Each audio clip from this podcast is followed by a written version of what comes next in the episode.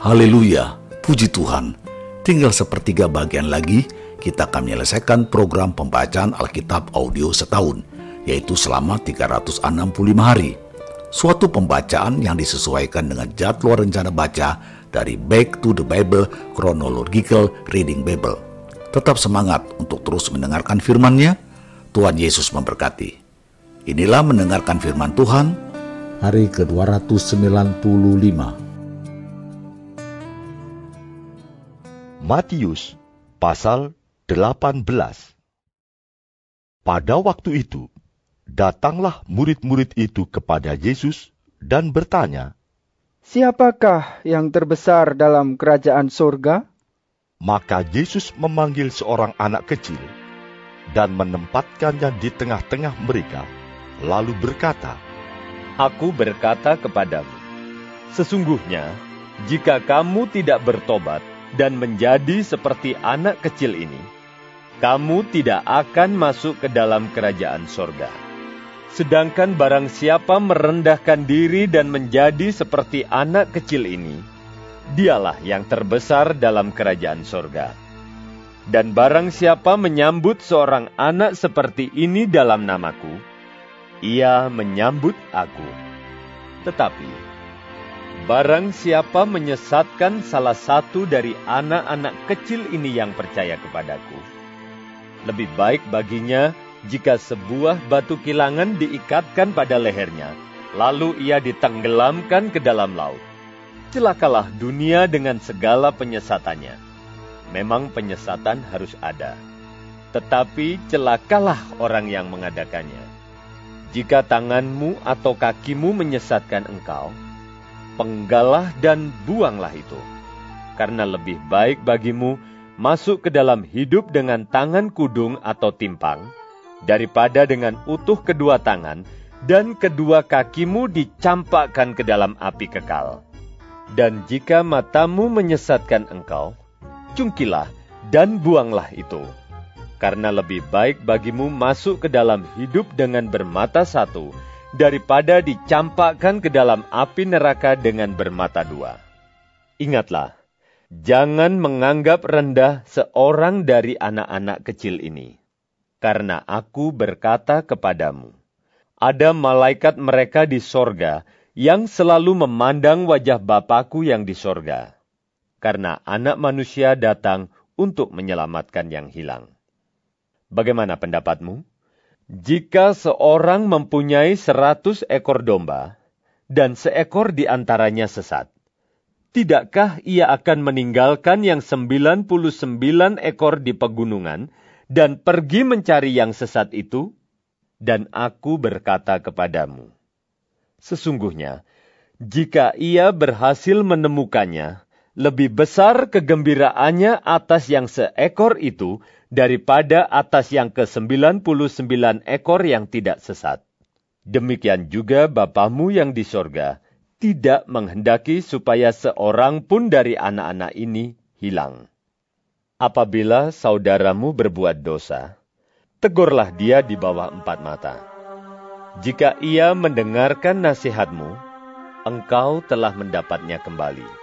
Jika ia tidak mendengarkan engkau, bawalah seorang atau dua orang lagi, supaya atas keterangan dua atau tiga orang saksi, perkara itu tidak disangsikan.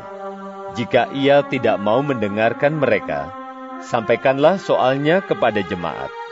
Dan jika ia tidak mau juga mendengarkan jemaat, Pandanglah dia sebagai seorang yang tidak mengenal Allah atau seorang pemungut cukai. Aku berkata kepadamu, sesungguhnya apa yang kamu ikat di dunia ini akan terikat di sorga, dan apa yang kamu lepaskan di dunia ini akan terlepas di sorga. Dan lagi aku berkata kepadamu, jika dua orang daripadamu di dunia ini sepakat meminta apa pun juga, permintaan mereka itu akan dikabulkan oleh Bapakku yang di sorga. Sebab, di mana dua atau tiga orang berkumpul dalam namaku, di situ aku ada di tengah-tengah mereka. Kemudian datanglah Petrus dan berkata kepada Yesus, Tuhan, sampai berapa kali aku harus mengampuni saudaraku jika ia berbuat dosa terhadap aku? Sampai tujuh kali? Yesus berkata kepadanya, Bukan, aku berkata kepadamu, bukan sampai tujuh kali, melainkan sampai tujuh puluh kali tujuh kali. Sebab hal kerajaan surga seumpama seorang raja yang hendak mengadakan perhitungan dengan hamba-hambanya. Setelah ia mulai mengadakan perhitungan itu, dihadapkanlah kepadanya seorang yang berhutang sepuluh ribu talenta. Tetapi karena orang itu tidak mampu melunaskan hutangnya, raja itu memerintahkan supaya ia dijual beserta anak istrinya dan segala miliknya untuk membayar hutangnya. Maka sujudlah hamba itu menyembah dia. Katanya, sabarlah dahulu, segala hutangku akan kulunaskan. Lalu tergeraklah hati raja itu oleh belas kasihan akan hamba itu, sehingga ia membebaskannya dan menghapuskan hutangnya. Tetapi ketika hamba itu keluar, ia bertemu dengan seorang hamba lain yang berhutang seratus dinar kepadanya. Ia menangkap dan mencekik kawannya itu. Katanya, bayar hutangmu. Maka sujudlah kawannya itu dan memohon kepadanya, sabarlah dahulu, hutangku itu akan kulunaskan. Tetapi ia menolak dan menyerahkan kawannya itu ke dalam penjara sampai dilunaskannya hutangnya. Melihat itu, kawan-kawannya yang lain sangat sedih lalu menyampaikan segala yang terjadi kepada tuan mereka. Raja itu menyuruh memanggil orang itu dan berkata kepadanya, "Hai hamba yang jahat, seluruh hutangmu telah kuhapuskan karena engkau memohonkannya kepadaku. Bukankah engkau pun harus mengasihani kawanmu seperti aku telah mengasihani engkau?" Maka marahlah tuannya itu dan menyerahkannya kepada Algojo-Algojo sampai ia melunaskan seluruh hutangnya.